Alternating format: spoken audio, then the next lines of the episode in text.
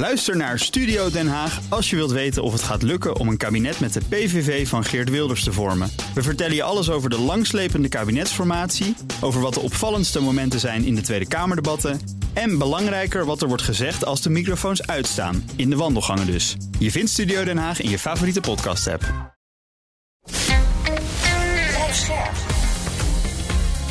BNR Nieuwsradio. Boekenstein en de Wijk. Hugo Reitsma. Welkom bij Boekenstein en de Wijk. Het is donderdag, dag 701 van de oorlog in Oekraïne. En ik heb weer veel gezellige vragen over ongezellige kwesties van luisteraars voor jullie. Te beginnen met De Langeleo. Die zegt Rob, zou het mogelijk kunnen zijn dat alle conflicten die nu plaatsvinden en de enorme hybride oorlogvoering die nu plaatsvindt, de inleiding zijn tot een aanval op het Westen en dat deze aanval dit jaar nog verder uitgebreid gaat worden met als absoluut dieptepunt de aanval van China op Taiwan? Nou. Nou, dat is dus geen aanval op het Westen. Een aanval van China op Taiwan, dat moeten we even uh, uh, even constateren. Uh, maar kijk, die aanval is al lang aan de gang. Uh, hij noemt zelf hybride oorlogsvoering. Dat betekent dus dat er een propagandaoorlog voert.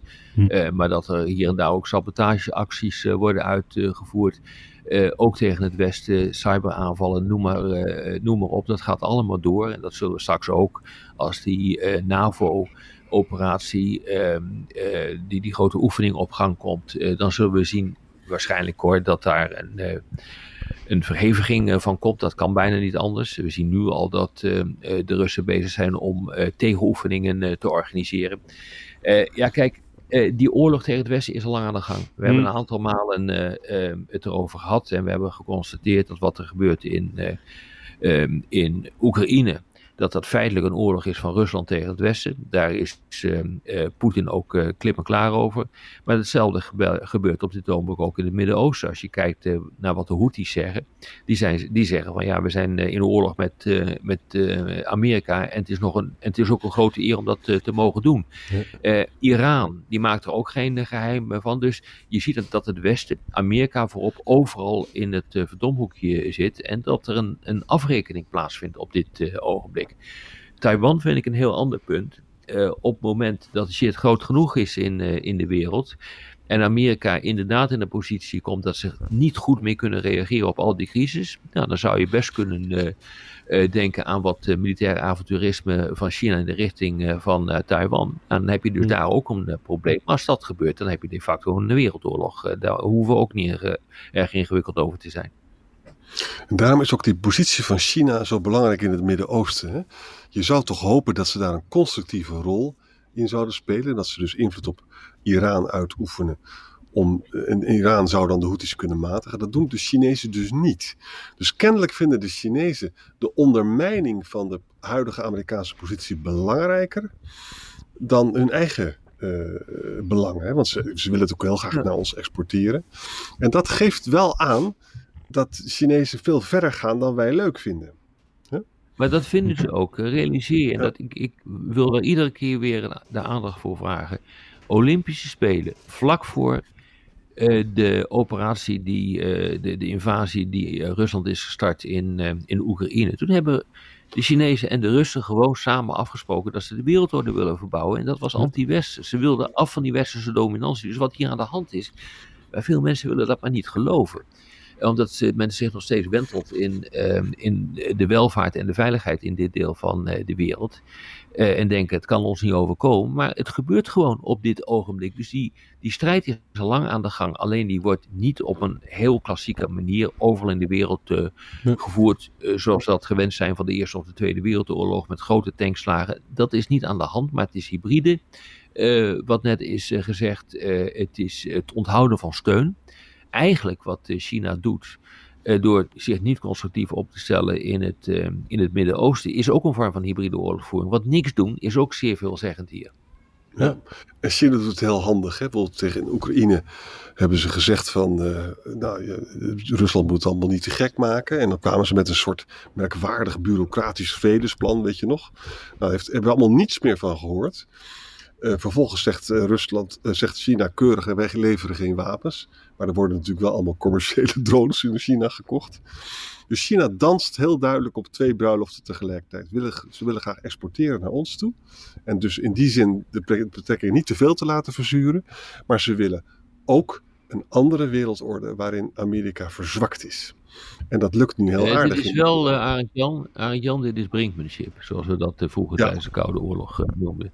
brinkmanship is, je gaat op de rand en je hoopt dat je er net niet overheen gaat, maar je kan er wel degelijk overheen vallen en dan heb je een hele groot conflict. En dat is precies wat hier gebeurt. Wat Iran doet, is gewoon brinkmanship. Dus gewoon kijken tot hoe ver je kunt gaan. En daar op de achtergrond speelt natuurlijk uh, die heel verkorte break-out tijd uh, van het produceren van een uh, Iraans kernwapen, waarvan we niet weten of ze ze wel of niet hebben, maar ze kunnen ze echt nu op dit ogenblik in een handopdraaien fabriceren. En dat zal, als de tijd daar is voor Iran, ook weer een punt zijn om de aandacht weer te gaan verleggen en weer een hele andere strategie te gaan vormen. Volgen. Ja. Bij uh, hybride oorlog tegen het Westen, ik denk dan even terug aan Rob Bauer, de hoogste militair bij de NAVO, die ergens eind vorige week uh, iets zei op een persconferentie van zorg uh, mensen dat je een zaklamp en een radiootje in huis hebt en een beetje voor jezelf kan zorgen. Zouden hybride acties ook een, een zaklamp en een radio kunnen noodzaken voor mensen hier? Juist, omdat het namelijk gewoon gaat om bijvoorbeeld uh, cyberaanvallen, waardoor je de hele boel hier in principe plat kan uh, gaan leggen. Ja, uh, ja je hoeft, er is ook vrij veel onderzoek bijvoorbeeld in Nederland gedaan hoe kwetsbaar die vitale infrastructuur is. Nou, mm -hmm. om een lang verhaal kort te maken, die is gewoon kwetsbaar. Ja. We hebben ook aanvallen op banken, hè? Dat is dat hele gekke wereld waarin wij leven. Mm -hmm. en, als, als, als het internetverkeer een week eruit ligt, dan kunnen mensen niet meer boodschappen doen. Dus het is een enge wereld. Nou, ik zou eerlijk uh, eerder, eerder, zeggen van haal cash in huis. Eh, want mm -hmm. ja, het zou best kunnen zijn dat je niks meer uit de automaat kunt halen. Of niks meer uit de automaat kunt halen. Of überhaupt niet meer kunt pinnen. Ja. dus ja, dat, dat is het minste wat je kan doen. En ja, water zou kunnen, bij wijze van spreken. Als, als je denkt dat de waterleiding eh, door middel van cyberaanvallen zou worden uitgeschakeld. ja, in principe is dat ook mogelijk. En de elektriciteit kan uitvallen. En nou ja, dan ben je blij als je een houtkacheltje hebt. Heb ik trouwens niet hier. ik wel. En een radio om Boekenstein in de wijk te luisteren. Dus dat vond ik ook wel een goede tip van uh, Ja, dan kom ik naar jou toe. Uh. Ja. ja, welkom hoor. hey, uh, gaan door naar een vraag per brief, notabene, van Jan de Vaan. Vond ik wel leuk, ik krijg niet zo vaak post. Ja dat, ja, dat ging naar uh, BNR en kwam vervolgens weer bij mij terecht. Leuk. Hij zegt, Albert Heijn herinnerde me er gisteren weer aan dat veel fruit en groente uit Afrika komt bij ons. Uh, hij zegt, kijkend naar de globale verhoudingen, vroeg ik af, waarom bevorderen we de industriële productie in Afrika niet? Uh, het onderwijs is daar vaak goed, uh, we worden minder afhankelijk van China, we brengen werkgelegenheid naar Afrika, waardoor er misschien minder jongeren deze kant op... Ehm, ja, hij zegt, nou, een betere relatie met Afrika natuurlijk. Kortom, ik zie alleen maar voordelen. Ja, ja dat kan wel zo wezen. Maar, maar, Frankrijk bijvoorbeeld, in Westen in de algemene zin, is op, de uit, is, is op weg naar de uitgang in, eh, in Afrika. dus de Fransen hebben de troepen moeten terugtrekken, onder andere uit Niger. Mali uh, lukt het niet meer. Nee, je ziet echt dat het vacuüm op dit ogenblik van het vertrek van het Westen wordt opgevuld door A. Rusland en B. China. En je ziet ook dat, weet je, het is al heel lang zo dat China een hele dominante positie in uh, Afrika inneemt. Hè, met de grote infrastructurele werken. Uh, je zag ook dat het, het westerse ontwikkelingsbedrag was veel kleiner dan de Chinese investeringen. Dat is, dat, met andere woorden, China speelt al een veel sterkere positie. Tweede punt is dat als je, je kan niet zomaar een uh, industriële investering in Afrika doen, want dan heb je landen nodig die uh, good governance hebben. Hè? Dat is echt zo, dat heb je nodig. En helaas hebben we in Afrika veel uh, leiders die, ja, kijk maar naar Mali of Niger, dat is toch heel corrupt. En die huren dan ook nog eens een keer Wagner in. Dus het is niet zo gemakkelijk om met een toverstafje daar industriële groei te bewerkstelligen. Dat is wel heel dus- westers gedacht hoor, wat je nu, ja. wat je nu zegt. Dat is, is natuurlijk ook wel zo. Uh, maar als we het niet doen uh, en als we ook uh, samenwerking op de schop gooien, ja, dan ontstaat er een vacuüm. Daar gaan de Chinezen en de Russen in zitten. Ja. Maar weet je, dit soort machtspolitiek, dat staat natuurlijk totaal haaks op de ideologie die weer, die weer ten grondslag ligt aan ontwikkelingssamenwerking. Want zo wordt daarnaar gekeken. Nou, dat is een, dat is een ontwikkelingssamenwerking is totaal ongeschikt om hier een antwoord op te vinden op die geopolitieke strijd in, in Afrika. Volgens mij, de, de, Europese Commissie heeft, ik heb het even niet paraat, maar die heeft wel ook in reactie op die Chinese investeringen in Afrika wel is iets van een plan uh, gemaakt. Van wij moeten dat ook gaan Zeker. doen en dan misschien wat minder met het, uh, met het vingertje en uh, wat meer met investeringen. En we hadden trouwens misschien een goede tip voor Jan de Vaan, een keer een uitzending met Julia Rijsenbeek, onderzoeker. Het ging over voedsel en geopolitiek. Toen is hier ook veel behartenswaardig over gezegd. Klopt, ja. Ik heb nog twee vragen van Kees Kraai. Uh, eerst over de sancties tegen Rusland. Hij zegt: Ik deel Rob's uh, sceptisch over de effectiviteit daarvan, maar kan het op langere termijn niet werken? Hij verwijst daarbij, en trouwens, een andere luisteraar, Boudewijn van Haverkorn, had het daar ook al over, naar een FD-stuk van eerder deze week. Dat ging dus over dat ja, Rusland weet de olieproductie uh, export wel op, uh, op peil te houden. Maar de Chinezen en de Indiërs die kopen dat tegen enorme korting. En die betalen dan bijvoorbeeld in roepies, waar de Russen dan weer niet zoveel mee kunnen. Ze kunnen steeds minder investeren in hun eigen uh, olie- en gasinfrastructuur. Dus het gaat steeds meer knellen. En zou het dus op die manier op langere termijn voor Rusland niet reden kunnen zijn om toch maar van koers te veranderen? Nee, als ze daar de reden niet voor zien, dan zullen ze dat niet doen. Kijk, Ten eerste kost die oorlog een hoop geld, maar ook weer niet zoveel dat de Russen dat niet kunnen betalen. Uh, en uh, wat je vervolgens ziet is dat inderdaad sancties, maar dat hebben we ook altijd gezegd, uh, die hebben economische effecten. Maar die economische effecten kan je omzeilen door middel van circumventie. Dus het, ehm, je gaat olie verkopen niet aan het Westen, maar ik noem maar wat aan China of, of aan India. Uh, en uh, wat je dan vervolgens uh, ziet, is dat ehm, je dat erg lang kan, kan volhouden. je bent ook in staat om, als je vindt dat er te weinig geld naar het leger gaat, dan kun je in een dictatuur, want dat is het feitelijk Rusland, kun je toe besluiten om geen geld naar de oude vandaag te sturen, maar naar het leger. Dat kan allemaal. Ehm, dus je kunt het eigenlijk vrij simpel, kun je de negatieve effecten die er absoluut zijn van sancties, kun je mitigeren en kun je de zaak zo draaien dat je gewoon die oorlog uh, oneindig kunt voor, uh, voortzetten. Dat zien we ook in Iran gebeuren, die nog veel meer Mm, aan sancties is gebonden dan, eh, dan Rusland. Dat zien we gebeuren met Noord-Korea, dat het meest geïsoleerde land is van de wereld. En dat land, we hebben het er gisteren over gehad, is gewoon in staat om te zeggen van nou weet je, bekijk maar de rest van de wereld. we willen ook geen herinnering meer hebben met uh, met, Zuid, uh, met Zuid-Korea. we gaan gewoon door. Het dreigement aan de rest van Amerika blijft gewoon bestaan. Er wordt zelfs wapenhulp, mind you, gegeven aan, ja. aan Moskou. Dus hoe denk je dan, hoe denk je dan dat sancties de specifieke doelstelling van het stoppen van dat militaire avontuur kunnen ondersteunen? Dat kan dus niet. Ja. Weet je, Rusland is ook een land met een zeer ongelijke welvaartsverdeling. Hè?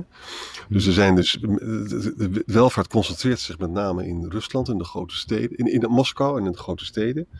Daarbuiten zijn de meeste mensen hartstikke arm. En die zijn ook gewend dat de Russische staat eigenlijk niet levert. Mm-hmm. Dat maakt het voor een autocratie ook makkelijker hè, om gewoon heel veel geld naar de krijgsmacht te sturen en veel minder naar de oude vandaag.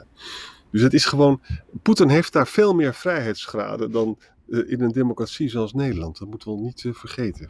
Ja. Ja. ja. Uh, Kees had ook nog een wilde gedachte die hij jullie wil voorhouden. Altijd leuk. Mm-hmm. Even kijken, hij zegt, uh, zouden we zodra een staakt het vuren is gerealiseerd vanuit de EU kunnen aangeven dat Rusland in de toekomst, mits ander regime en uh, weg uit Oekraïne, welkom is om toe te treden tot de Europese Unie. Hij zegt uiteraard totaal onrealistisch, maar je wil toch de Russische bevolking op termijn een alternatief bieden. En ja, dat zou misschien ook dan Europa als machtsblok in de wereld kunnen versterken. ik vind het een hele leuke ja, vraag. Ik vind het, ja, zeg jij maar wat. Uh, nou ja, Jan. je moet bedenken dat om lid te worden van de Europese Unie moet je aan een aantal voorwaarden voldoen. Hè? Dus Hmm, ook aan oké, Kopenhagen-criteria. En één daarvan is dat je dus democratie en rechtsstaat hebt. Hmm. Dus dit zou dus alleen maar kunnen gebe- gebeuren als er een nieuwe regering zou komen die daadwerkelijk een geloofwaardige democratische en rechtsstatelijke koers zou Ja, het wordt wat varen. langere termijn, ja. Ja. Maar, maar ik ben op zichzelf genomen, is dus een, een, een, een politiek van dwang of een politiek van wortels. Hè? De, de laatste kan heel effectief zijn. Hè? Als je een voorbeeld hebt, Portugal was natuurlijk een dictatuur en Spanje ook. Hè? Dat is echt een democratie geworden, ook een beetje uh, door die begeleiding van de, van de Europese gemeenschap toen nog. Hè? Het, het zou kunnen. Er zijn alleen hele pessimistische experts die zeggen dat het nog heel lang zal duren voordat Rusland een democratie wordt, als het dat al wordt. Simpelweg omdat het zo verschrikkelijk groot is en omdat repressie daar ook zo, ja, als het ware, in, uh, in dat hele land verankerd is. Hè? Omdat er ook grote verschillen zijn. Het is hartstikke mooi wat je zegt, uh, Jan, maar ik geloof er helemaal niks van. Ja. het is gewoon voor mij totaal onmogelijk. Ja. Dat, kijk, Rusland is gewoon een ander land.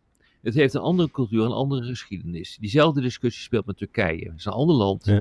Uh, met een andere geschiedenis, lastig te integreren in de Europese Unie. En bovendien realiseer je, Rusland is een land met heel veel inwoners. Dat geldt ook voor Turkije. Het geldt trouwens ook voor Oekraïne, uh, 40 miljoen. Uh, maar Rusland heeft nog een keer weer 100 miljoen meer. Zo'n land integreren in de Europese Unie, daarmee krijgen die landen een veel te veel gewicht ja. veel te veel gewicht uh, op de hele besluitvorming uh, binnen de Europese Unie. Dus ook al zou je het willen, ook al wordt uh, de Europese, sorry, Rusland een voorbeeldige democratie, dan zal het nog niet gebeuren. En dat, ja. dat heeft hiermee te maken. Je trekt de hele Europese Unie uit elkaar. En dit is precies de reden, jongens. En dat is denk ik wel even belangrijk. En daarom is ook een hele goede vraag. Waarom al die verheven idealen van Gorbachev, de laatste president van de Sovjet-Unie, over een Europees huis, waarin iedereen gezellig uh, kon, uh, kon samenwonen, zonder grenzen, uh, economische samenwerking, waarom dat helemaal niks is geworden. Dat had hiermee te maken. Rusland is gewoon te groot om te integreren in een Europese veiligheidsorde. Daar zit echt een geweldig probleem in. Dat wordt ook een probleem waarmee we op zeer korte termijn te maken krijgen op het moment dat we gaan nadenken, als deze oorlog voorbij is, over hoe die orde, die veiligheidsorde in Europa moet worden vormgegeven. Dat leidt voor mij alleen maar tot een conclusie. Dat kan niet. Er wordt gewoon een nieuw ijzeren gordijn opgericht. Overigens vinden de Russen dat nu zelf ook. Ja, en daarom is bijvoorbeeld een land als Turkije heeft uh, al heel lang een associatieovereenkomst. Hè? En dat wordt dan ja. niet omgezet in lidmaatschap. En dat zou natuurlijk wel kunnen. Maar eerlijk gezegd ben ik bang dat de opvolger van Poetin ook een autocraat uh, zal zijn. Het vertrouwen is gewoon weg in dat land. Hoe je het ook ja. bent of keert. Het vertrouwen is totaal weg en dat gaat decennia duren dat gaat, uh, dat aanpassingsproces en dat, dat toenaderingsproces, uh, dat gaat, uh, gaat door tot na onze dood. Zelfs hier van jou, Hugo, want jij bent jonger. Ja, ho, ho, ho. dat moeten we gewoon proberen een beetje de goede kant op te buigen. En misschien is in die zin dan het voorstel van Kees niet zo wild als jullie het maken. Want hij zegt niet doe het, maar hij zegt hou het voor aan de Russen. Stel ze iets in het vooruitzicht, iets positiefs. Dat, dat is natuurlijk ook met Turkije gebeurd. Misschien kan het komen tot een associatieakkoord, net als met Turkije. Zou dus niet ja, het ze voorhouden van een wortel al een positief effect kunnen hebben op een leiderschapswissel die er in het Kremlin op een gegeven moment aan moet komen? Wel nee, dat hebben we ook gedaan met Turkije. Uh, ik bedoel, op een gegeven moment gelooft niemand er meer wat van en dan, uh, dan werkt het niet. Wat je moet doen is, uh, je moet gewoon goede handelsovereenkomsten sluiten met Rusland. Dat zou je kunnen doen op het termijn. Dat is de wortel die je voor, moet voorhouden. Iedereen begrijpt dat de, Russen, dat uh, de Europese Unie niet met elk land in de wereld kan worden uitgebreid. Uh, uh, dus je moet dat, daar moet je op een andere manier tegen kijken, naar kijken. Maar met handelsakkoorden, dat is al echt iets wat ongelooflijk voordelig is voor een land als Rusland. Dus dat zou je bij normalisatie kunnen voorhouden. En dat, zou ook, dat komt op een moment dus dat China. Kijk, Rusland is dan verzwakt. Hè? En zeer afhankelijk van China.